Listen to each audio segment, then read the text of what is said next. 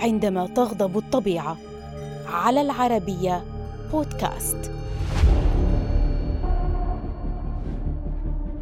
ضباب دخاني كثيف غم سماء لندن وسود معالمها طوال خمسة أيام وتسبب في مقتل أربعة ألاف شخص على الأقل.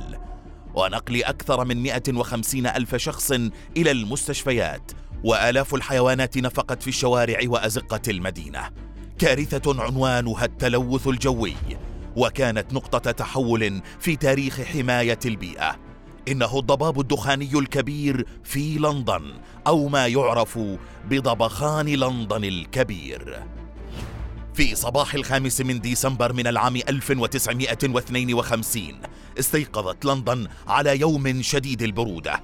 ما دفع المنازل والشركات في جميع أنحاء المدينة إلى حرق المزيد من الفحم لإشعال المواقد.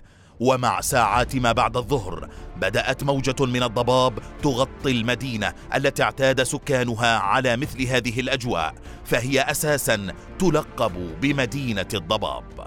لكن الضباب هذه المرة ليس ككل مرة فراح يتحول إلى لون قاتم بسبب اختلاطه بالدخان المنبعث من مداخن المواقد والمصانع والسيارات والحافلات.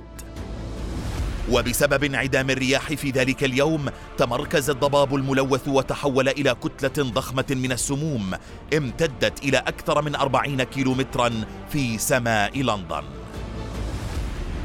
كان الضباب الدخاني كثيفا لدرجة شلت الحياة تماما. حتى إن بعض السكان لم يتمكنوا من رؤية أقدامهم أثناء سيرهم لانعدام الرؤية.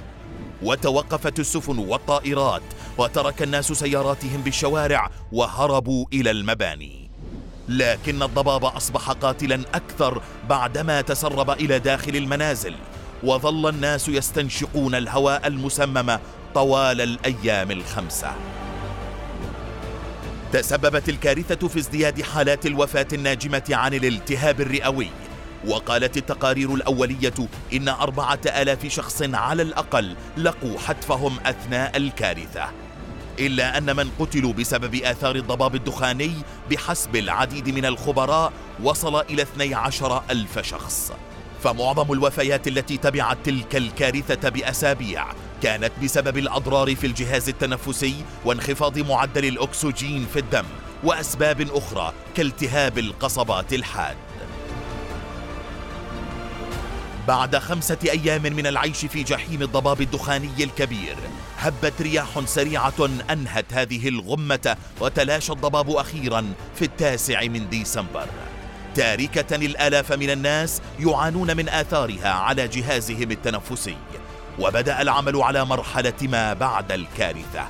فأعيد التفكير في تلوث الهواء ومعرفة خطره على البشرية وبناء أساس للتعامل مع البيئة بطريقة معاصرة. ومع ذلك عاشت لندن أحداثا مشابهة من الضباب الدخاني لكنه لم يكن على الإطلاق كالأيام الخمسة السامة في فترة الضباب الدخاني الكبير والقاتل التي عاشتها لندن.